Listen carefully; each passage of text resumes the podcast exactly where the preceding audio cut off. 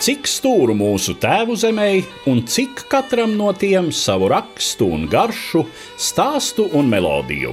Raidījumu ciklā Stūru stūriem es, Eduards Liniņš, pieskaros Latvijas vēsturisko zemju un kultūru vēsturisko teritoriju identitātei sarunās ar šīs identitātes zinātājiem un kopējiem.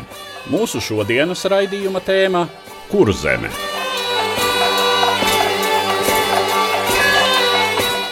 Labdien, cienījamie klausītāji! Mūsu šodienas saruna notiek Vēncpilī, kur tiekos ar diviem vēsturniekiem. Ilgadējo Vēncpils muzeja darbinieci Ingrīdu Strunfu un Vēncpils muzeja direktora vietnieku zinātniskajā darbā, arī Latvijas Universitātes asociēto profesoru Armandu Vijupu. Kurzemes gadījumā arī nepārprotami, kā vairumā šo vēsturisko zemju, mums ir viena no latviešu pirmtautām, jeb ciltīm. Nu, proti, šajā gadījumā tie ir kurši, kuru vārdā tad kurzeme ir nosaukta. Bet līdz ar kuršiem vēsturiski arī šeit ir vairāki citi elementi, kas tiešām nav vēlāku laiku ienācēji, bet bijuši šeit, kā zīmē, arī pirms kuršiem vēl. Nu, proti, tas ir somugriskais elements kurzemes ziemeļos, kuru mēs pazīstam kā lībiešus, un kas šeit saglabājas ilgāk nekā vidzemes pusē, kur lībieši jau 19. gadsimta vidū ir praktiski asimilēti. Un tad arī kurzemē nepārprotami ir bijuši klāt vikingi, skandināvi. Lai gan tā ir zināma arī tāda joprojām vēstures mīkla, laikam, cik lielā mērā un kādā veidā tie skandināvi, kam pie grobiņas tā apmetne ir bijusi nepārprotami liela un nepārprotami te jau pārsimtus gadus, ko tad viņi un kā viņi ir ietekmējuši visu šo. Bet ko mēs varam teikt par to vēsturisko pirmpamatu? Manu interesu apjoms ir vienmēr ziemeļkurzeme. Savā laikā pētot uh, gan pēc valodas, gan es pat vairs nezinu, vai vēl kaut kā eksaktāk šeit pamatiedzīvotājus, tika konstatēts, ka zem līnijas, kas iet cauri kuldīgu, uz ziemeļiem pārsvarā ir tomēr libiskās iezīmes visās jomās, un tikai uz dienvidiem pārsvaru ņem uh, kursiskās iezīmes.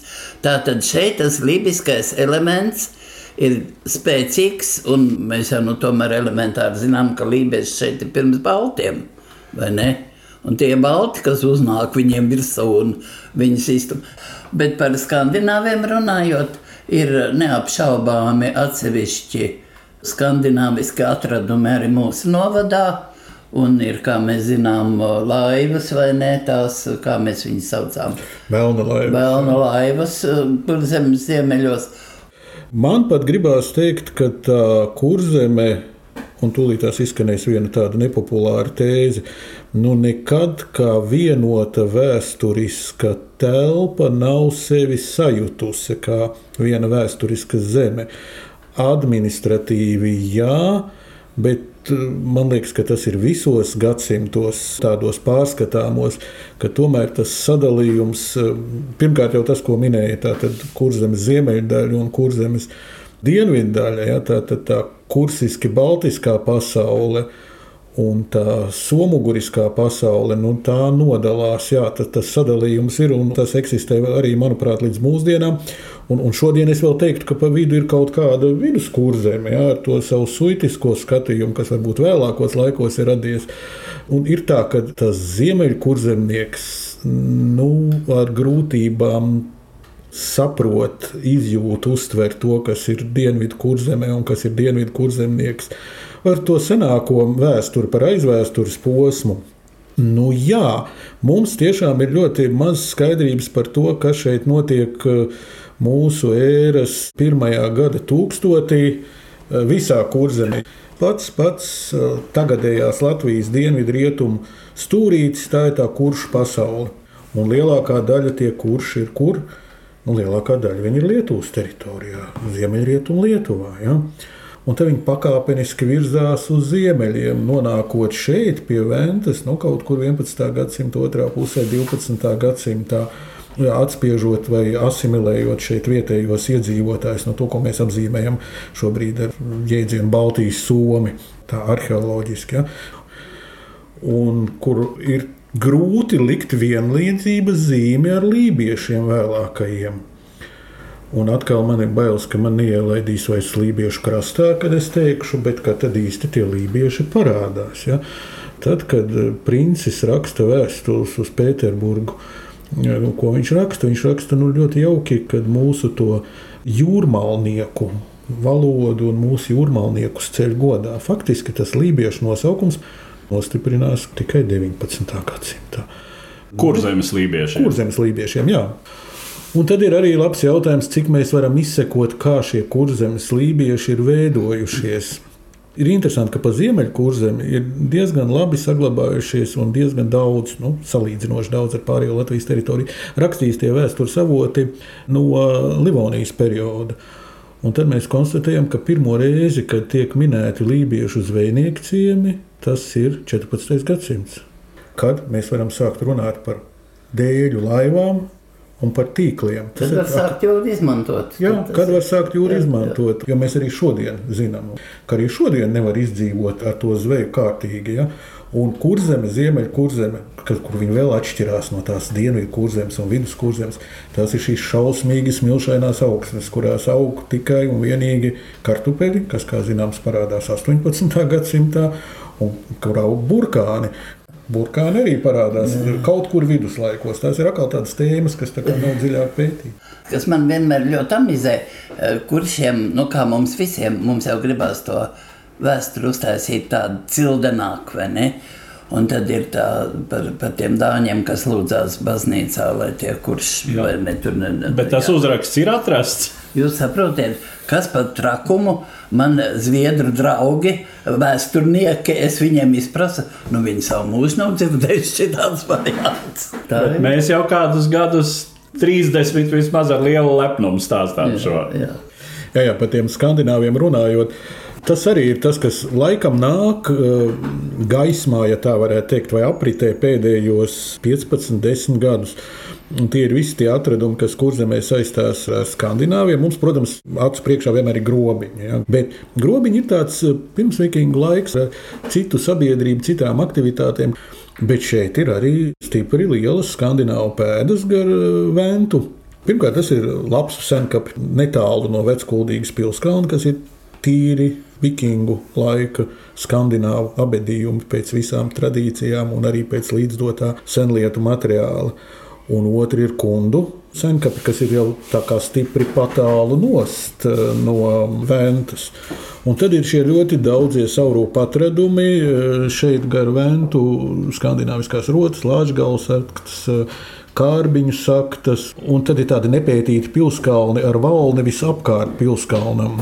Laksdienas pilskalns. Tā kā tā skandināvu klātbūtne šeit ir arī vēlākajos gadsimtos, un tas nav nekas dīvains. Nav jau nekāds brīnums, ka tā telpa ir vienota, jo arī mūsdienās, ja pa taisno līniju velk no kur mēs šobrīd esam Vēnspīlī, ja, tad līdz Gotlandai ir 160 km, līdz Rīgai ir nu, 180 stipri tālāk. Un pa ūdeni, kā zināms, vecos laikos bija ātrāk atkļūšana labvēlīgākos laika apstākļos nekā pa zemes ceļu. Vēlākajos laikos ir kaut kādi kontakti. Nu, protams, es domāju, ka ir gan Livonijas periodā, ar Gotlandi, ar Vīsbiju. Tur varētu meklēt epizodes. Bet arī vēl 18. gadsimts. Kurzemes iedzīvotājs turēja rokās zviedru sīknaudu. Zviedrijā kautu nu, gandrīz vai ikdienā, jo tās zviedru ēras, kas ir kautas 18. gadsimta pirmajā pusē, šeit ir masveida atradums. Kaut šī teritorija Zviedrijai pakļauta nekad nav bijusi atšķirībā no vidzemes. Runājot par vēsturiskajiem laikiem, par Livonijas periodu, tad, protams, ziemeļkurzemes izjūta, ko jāsaka, kaut kur aizbraucot uz Talsiem vai uz Dundagu, var, manuprāt, just vēl joprojām, ka šeit īsti karots nav. Nu, te jau nekad. Jo vienmēr nu, lielās cīņas notiek tālāk uz dienvidiem, lielajos traktos, kas iet virzienā no dienvidu rietumiem uz ziemeļaustrumiem, Un tas pats kurzems augšējais gals vienmēr paliek un pilnīgi pretēji kurzems dienvidi, kur apmēram 200 gadus notiek robežu bīdīšana ar Lietuvu, un uh, Žilbērs Delanoā raksta tuksnesis. Tas ir jau 15. gadsimts. Pat uh, sērgas, kas izplatās visādos laikos, ļoti bieži līdz ziemeļkurzemē neatnāk. Lielā holēra 1830. gados viss ir te Ventspilī un šī te nav. Nu, nepārprotami kurzemnieku identitātei, pašapziņai ļoti svarīgs tomēr ir tas kurzemes hercogistas laiks. Laiks sākot ar 16. gadsimta nogali un viss 17. gadsimts hercoga jēkaba laiks, kura zelta mirdzumu mēdz mūsdienu vēsturnieki krietni apšaubīt. Skatoties no tāda latviešu zemnieku viedokļa, jau tie hercogists laiki, nu, kas viņiem tur pa to vāgo vai uh, atskaitot to, ja sagrāb uzliek uz kuģu un aizsūt tur, kur viņš kādu sērgu ņem un uh, atdod gals pēc tam. Es jau piederu pie tiem, kas skeptiski skatās uz hercogu Jākabu laikmetu, arī kā par viņa tādu ilglaicīgu ieguldījumu iet kā ekonomikas attīstībā. Es to neredzu, ir tādas diezgan avantūristiskas. Un Dievs nedod, ja vēl ar to Austrāliju būtu iznācis tā kā iecerēts. Tad tur būs kurzem būtu aizstumta. Labi, ka neiznāca. Jā, jā, bet mūsdienās tomēr pareizi ir, ka kurzems identitāte stipri vijās ap to hercoga jēkaba laikmetu, aizmirstot varbūt visu kurzems un zemgāles hercogists vēsturi, bet nu, taisam to saistot ar, ar hercoga jēkaba laiku. Man liekas, ka gandrīz katrs kurzemnieks pat ar varbūt tās visai vājām interesēm par vēsturi. Tomēr hercogs jēkabs zina, un te viss ir ar hercogu jēkabu saistīts. Vēnspīlī kuģītis, hercogs jēkabs, veseli ceļi, kuldīga lielās, ka tur ir dzimis hercogs jēkabs. Un tur ir arī savs pamats, gandrīz neatkarīga valsts. Nu, it kā no vienas puses Polijas, Lietuvas kopvalsts, vasaļvalsts. No otras puses, tad, kad poļu lietuvieši karo ar Zviedriem, hercogiste vismaz uh, diplomātiski un politiski ietur neutralitāti. Ja? Nu, ja mēs salīdzinām mūsdienās um, kaut kādus valstiskus veidojumus, tad vai Latvijas republika kaut kādu militāru konfliktu gadījumā, kurā būtu iesaistīta Dievs nedod Eiropas Savienība, varētu paziņot, ka nē, mēs te tagad stāvam neitrāli. Nu, laikam jau nē. Tas hercogs jēkab lielais trumpis ir tas, ka tā ir spilgta personība. Un, tā nu tas ir, ka arī sabiedrības, nācijas sevi ir tendētas identificēt ar spēcīgām personībām, ar to līderi, un tā vēsturiskā patiesība interesē mazāk. Hercoga jēkaba saimnieciskais vēriens, šī aizrautība ar starptautiskajiem ekonomiskajiem sakariem, kolonijas. Jā, mums ir koloniālā vēsture vienīgajiem Latvijā. Ko labāk šodien vispār neteikt? Vai jēkaba nopelnu daudzināšanā? Lielākie nopelni ir pašam Hercogam Jēkabam vai viņa aprakstītājam Juskevicam. Tas vēl tā īsti nav zināms. Jā, jā starpkara periodā, protams, tad, jā. kad meklēja stingru roku un labu valdītāju, tā Jēkaba, Hercoga Jēkaba tēma bija ļoti populāra. Un, Protams, tā bija tāda konjunktūras tēma vēsturē, un tāpēc arī iedzīvināta un, un laikam viena no greznākajām grāmatām Juškieviča Hercoga Jēkab laikmets kurzemē. Jā, ar tādu, nu, ar, ar tādu izdevumu, ar kādu to brīdi varētu lepoties, es nezinu, Lielbritānija, Vācija, jā, tā tad gandrīz tur dokumentu faksimili ar visiem zīmogu gadarinājumiem. Arī tas, ka Kurzemē mūžas bija lielākas nekā vidzemē, mūžnieki bija eh, vidēji turīgāki, un esot tā, ka arī kurzemnieki, zemnieki esot, kā saka, lepnāk savu cepuri turējuši. Es esmu dzirdējusi kaut kur arī izteiktas tādas domas, ka tomēr kurzem nonāk cariskās Krievijas pakļautībā vēlāk nekā vidzeme. Un vidzeme izbauda eh, tomēr tās eh, Krievijas eh, ietekmes sliktākās puses. Tā skaitā arī attieksme pret zemniekiem un dzimbūšanas striktāku ievērošanu. Bet ir ļoti grūti pateikt, Jo, ja mēs ņemam vēsturi ļoti ilgā laikā, tad šie visi tie posmiņi, un arī šodienas posmiņi ir tik īsiņi, ka tu to nu, redzēsi, kā viņi tur ierakstīsies tur vēlāk. Jā, nu mēs atkal runājam par kurzemi kopumā, bet man gribētos teikt, ka laikam ziemeļu kurzemē par tādām bagātām saimniecībām nu, laikam ir grūti runāt. Te tas, tas sadalījums tomēr starp ziemeļiem un dienvidiem. Kaut vai tēma, kam mēs neesam pievērsušies, ventiņu valoda, ja? lībiskais dialekts, tāmnieku ko šeit sauc par ventiņu valodu, bet bez tādām nopietnām pretenzijām, ka tā ir valoda dialekts, kurā ir literatūra, un tā nav literatūra, kas radusies varbūt pēdējos gados. Bet arī starpkara posmā eksistējas labi. Tur var teikt, jā, pārsvarā ir, ir tādi humoristiski gabali. Bet nu, pēdējā laikā mēs redzam, ka ir dzinieki, dzinieces, kas mēģina arī dzējot nopietni eh, šajā dialektā. Tas, ko es iekšķīgi saucu par ventiņu valodu, ir tas sajukums, kas nav tāmnieku dialekta kāda no tām izloksnēm, bet kas ir tas, kas iznāk Vēnspilī.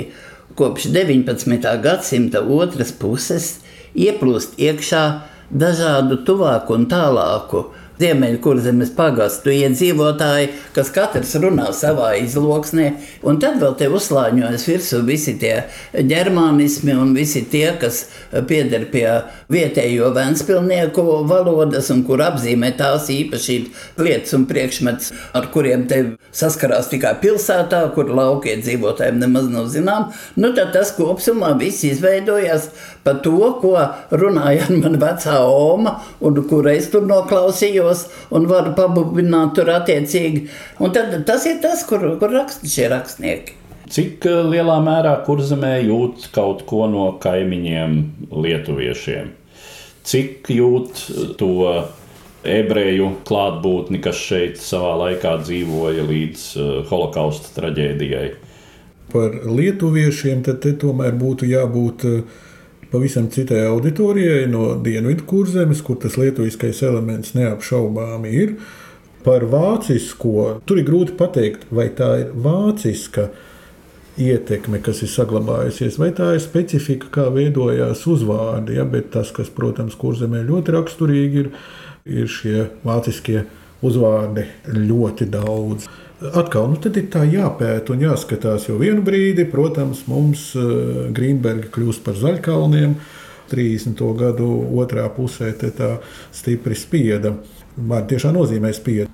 39. gadā Ingrīda man apstiprinās, bija maza brošūriņa, kur varēja tos labos latviešu uzvārdus palasīties. Jā, 20 centiem gabalā maksāja. Par e, ebrejiem un, protams, arī par čigāniem, ja vai es atvainojos, tagad jāsaka, ir Romi.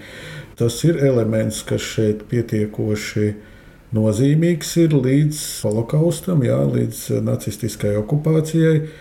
Pirmie ebreji parādās kurzemes teritorijā, šeit hercogistas laikā, ja, bet vai tā ir masveida ienākšana, tad ir jāprasa speciālistiem. Ja, tā, tas ir piltens apgabals, kur vairāk parādās ebreji. Noteikti Ingrīda man papildinās.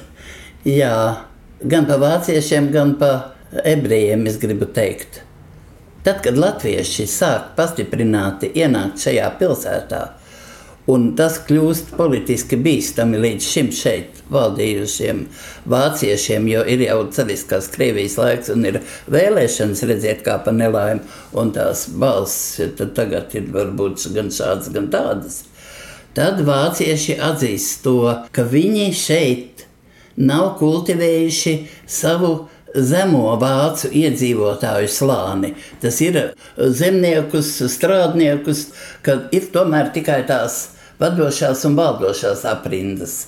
Bet par ebrejiem ir jāsaka, ka ebreji dzīvo ļoti savrupi. Viņi neradojas un neprecas. Varbūt kādos ļoti retos atsevišķos gadījumos. Ne ar latviešiem, ne ar citu tautību pārstāvjiem. Viņiem ir savas kapsētas, viņiem ir sava sabiedrība, viņiem ir sava izpratne, viņiem ir sava mācīšana. Viņi ātri vien iekļūst ekonomikā un kļūst par ievērojamiem gan ražošanas uzņēmumu, gan tirdzniecības uzņēmumu īpašniekiem. viņi atpērk no bagātajiem vāciešiem mājas stipri vien jau tas jau ir 20. gadsimtā. Kas ir interesanti, atkal, nu, mēs atkal ejam tādās tēmās, kas varbūt nav pietiekoši daudz pētītas un risinātas. Jo tā jau tikai liekas, ka vēsture ir viena. Vēsture ir daudz, ir, ir vācu vēsture, ir zemnieku vēsture, ir sadzīves vēsture un ir zinātnes vēsture. Bet, ja mēs runājam par eh, ebrejiem, te būtu ļoti interesanti varbūt arī paklausīties Iljas Lenska domas, kur zemes ebreji ir atšķirīgi no vidzemes un vēl vairāk no latgals ebrejiem. Un no Lietuvas ebrejiem, ārpus kurzemes esošie ebreji šos savus tautas un ticības brāļus ir dēvējuši par tiem treknajiem tītariem, ka viņi ir bagātāki, iedomīgāki. Un vēl, ja tā pārējā, nu, teiksim, vairāk uz dienvidiem pasauli lieto jidišu, tad šeit ebreji runā vāciski. Bija tāda interesanta viena piezīme, apmēram tas ir 13. un 14. gads vietējā laikraksta. Pēkšņi nepateikšu precīzi, kurš no, bet tur ir viena tāda prāva aprakstīta vai minēta pavisam īsi, ka nu, viens ebrejs ir nolamājis kādu tirgotāju, un tas viņu ir iesūdzējis tiesā, un ebrejs savukārt tiesā ir mēģinājis pierādīt, ka tas ir ebreju valodā, no acīm redzot, domāts, ka viņš ir mēģinājis stāstīt, ka to, ko viņš tur ir lietojis šo vārdu, ka tas ir jidišā bijis. Tad tiesa ir nolēmusi, kā šajā rakstā bija minēts, ka tas nav patiesība. Jo lūk, tie eh, Vēncpils ebreji viņi runā vāciski, viņi nerunā šajā mm. ebreju valodā. Ja mēs eh, paskatāmies uz kurzem salīdzinoši nesenos laikos, nu, vai ir eh, kaut kas tāds, ko kurzemē ir nesis vēl 20. gadsimts, vai tās būtu kādas atmiņas par kurzemes katlu vai unificējošie padomi laiki. Man ļoti spilgti ir uh, bēgļu laikmets un bēgļi šeit, kur zemē. Un tas, kā viena daļa no viņiem netiek pāri un šeit paliek, un šeit tādā veidā uzlabo vietējās sabiedrības uh, kultūras līmeni. Tie ir muzeķi, tie ir vēl šis un tas Vanspils otrā pasaules kara laikā, dičā kultūras pilsēta, kur skābe staigā pa ielām. Un tā neizbeidzas tikai ar 9. maiju, jo, kā jau saku, tie atsevišķie cilvēki paliek šeit.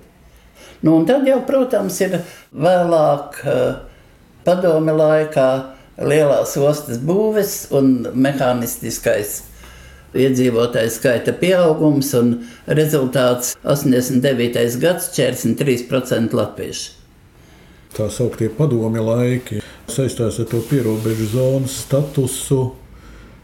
Atkal, laikam, vairāk tā būs ziemeļkurzeme nekā kurzemes dienvidi. Un tas, ka savā ziņā Latvijai viena, viena liela teritorija, 20 apmēram, kā nu kurā vietā 20 km no jūras, tā ir tāda terra incognita, nezināmā pasaule. Ja? No vienas puses, protams, tas ir briesmīgi, kas notiek ar, ar šiem zvejnieku ciemiemiem un vispār piekrastes apdzīvotību, bet no otras puses šī dabas neskartība, kas ir saglabāta, ir pateicoties šeit robežjoslai. Mazliet par tādiem eh, klišejiskiem priekšstatiem. Nu, eh, mēs te jau piesaucām kurzemnieku lepnums. Nu, ir dzirdēts arī tāds uh, priekšstats kā dubultais dibens, kā čemodāns ar dubulto dibenu. Pietiekama pretimnākšana, pietiekama komunikācija, bet uh, ko īsti domā kā īsti tevi uztver, to tik ātri no kurzemnieka saprast nevar. Atcerieties Ulu ģērmani, kas dod latviešu zemnieku raksturojumu. Man tas spilgti ir iespējies atmiņās, un es viņu pārbaudu atkal un atkal. Latvietis stāv uz kunga sliekšņa, nokārtu galvu, cepuri rokā ņokādams, bet ūsās viņam ir blēdīgs smīns. Jā, viņam ir sava doma un sava zināšana. Ja es varu vislabāk laikam to raksturot, ka kurzemē nedzimis, ja nācējs. Adaptācijas periods, lai iedzīvotu Ziemeļkurzemē, laikam ir vismaz 15 gadi. Kurzemnieks ziemeļos, atkal mēs runājam par ziemeļkurzemi, ir eh, klanu cilvēks. Viņš atzīst eh, savējos, Un cilvēkus no ārpuses, nu, es teiktu, pat pēc, pēc desmit gadiem nelaiž sev klāt. Pašā finālā par kādām garšīgām lietām. Te laikam nu, ir tā, ka kurzemē ir gandrīz vai visvairāk, ko nu, ko nu jau visi zina, taču skābputras, klandrauši. Atkal tas mūžīgais strīds, kam tad ir raksturīgi sklandrauši te kurzemē, ja? jo atkal tas dalījums nu, nav jau tā kurzeme vienot, bet man liekas, ka tas ir tik labi priekš tās ziemeļu kurzemes taisni, priekš tās smilšainās augsnes, kur Eh, gadu tūkstošiem ilgi kārtīgi nodarboties ar zemkopību nevar, jo nekas neaug, nekāda labība normāli šajā smiltīs neaug. Šeit aug kas, nu, tie kartupeļi, tad, kad viņi parādās, burkāni. Un tad tur var kaut kur, ja sevišķi zvejnieku ciemos, iemainīt kādu miltu maisiņu, un tad mēs taisām to žodziņu no tās mīkliņas, un tad mums ir kartupeļi kopā ar burkāniem, kāda lāse medus, kas te stipri mežos drauniecību ilgi nodarbojās, kad ir šie doru koki. Ja, mums ir viens entuziasts, kas ar to ļoti aktīvi nodarbojas, un tik tiešām vēl šie doru koki saglabājušies līdz mūsdienām. Par eh, skāputru, jā, tas ir kaut kas tāds, ko arī pēc 20 gadiem nevar lāgā viens eh, ārzemnieku kuģis panest. Eh, no cietušķāvētām putēm taisīta pienu zupa, tas ir vēl kaut kas eksotisks, bet par cietušķāvētām putēm tas ir Ingrīdas stāsts. Tagad tādas vairs praktiski. Es nezinu, kāpēc nav, bet cietušķāvētās butes kurām es visu laiku esmu gribējis kaut kādā veidā būt piemineklis cietušķāvētai butei. Tā ir bijusi ļoti ilgstoši šeit eh, vietējos eh, jūrmālas eh, iedzīvotāju barība visu gadu gandrīz. Jo rudenī, kad ir labā traknā būte, viņas tās cietžāvētās stāv mēnešiem. Un tad viņas izmanto. Viņas ir cietas, nokautušas tā kā koks, bet viņas sagroz gabalos, noplacina vārošu ūdeni. Tā novārījumā sataismē ir citi, ko uzliet uz kartupeļiem, un to būti var sekmīgi apēst. Un ja tāds jāēd mēnešiem ilgi un sāk jau pieņemt visādas piegaršas, tad tā cietžēvētā būtu ir līdz kaklam. Bet visā visumā cietžēvētā būtu kaut kas ļoti labs, protams. Bet eh, es teikšu, ka sklandrauši, tas jau ir svētku ēdiens. Kas tad ies tur ķimerēties, rīvēt un tu tur darīties? Tas, ko ēd ikdienā, ir savus plīts riņķiem izcept kaut kādu pladīnu. Tas ir tas, ko, jā, tā mana oma vēl darīja. Un tik garšīgi bija. Jā, jā, nu, bet tā kurzemes virtuve, nu, eh, tas jau laikam ir arī pētniekiem, kas, kas labāk to zina. Nu, tas, tā, tas viss, kas nāk no tās vāciskās 18. un 19. gadsimta, kad vēl hercogistas pēdējos gados uh, iznāk šīs mūžas pavāra grāmatas ar brīnišķīgām receptēm, kur ir gan uh, līdaka pildīta ar mežrozīšu augļiem, pildīts līdeks ar vilkadriceklēm, kā tur ir aprakstīts. Ja vai eh, cīruļi ar skābiem kāpostiem, kas arī ir viens no ēdieniem. Vēršu smadzeņu karašs un tam līdzīgas lietas, bet nu, ir kaut kas jau arī zudis. Varbūt vajadzētu pamēģināt. Tas būtu dikti. Jā, man viņa uzaiciniet mani uz vilka triceklēm, lūdzu. es ļoti labprāt. Līdz ar to izskan mūsu saruna, kas bija veltīta kurzemes vēsturiskās zemes identitātei. Mani sarunbiedri bija vēsturniece, ilgadēja Ventspils muzeja darbiniece Ingrīda Štrumfa un Ventspils muzeja direktora vietnieks zinātniskajā darbā, arī Latvijas Universitātes asociētais profesors Armāns Vijups. Uz redzēšanos, cienījamie klausītāji!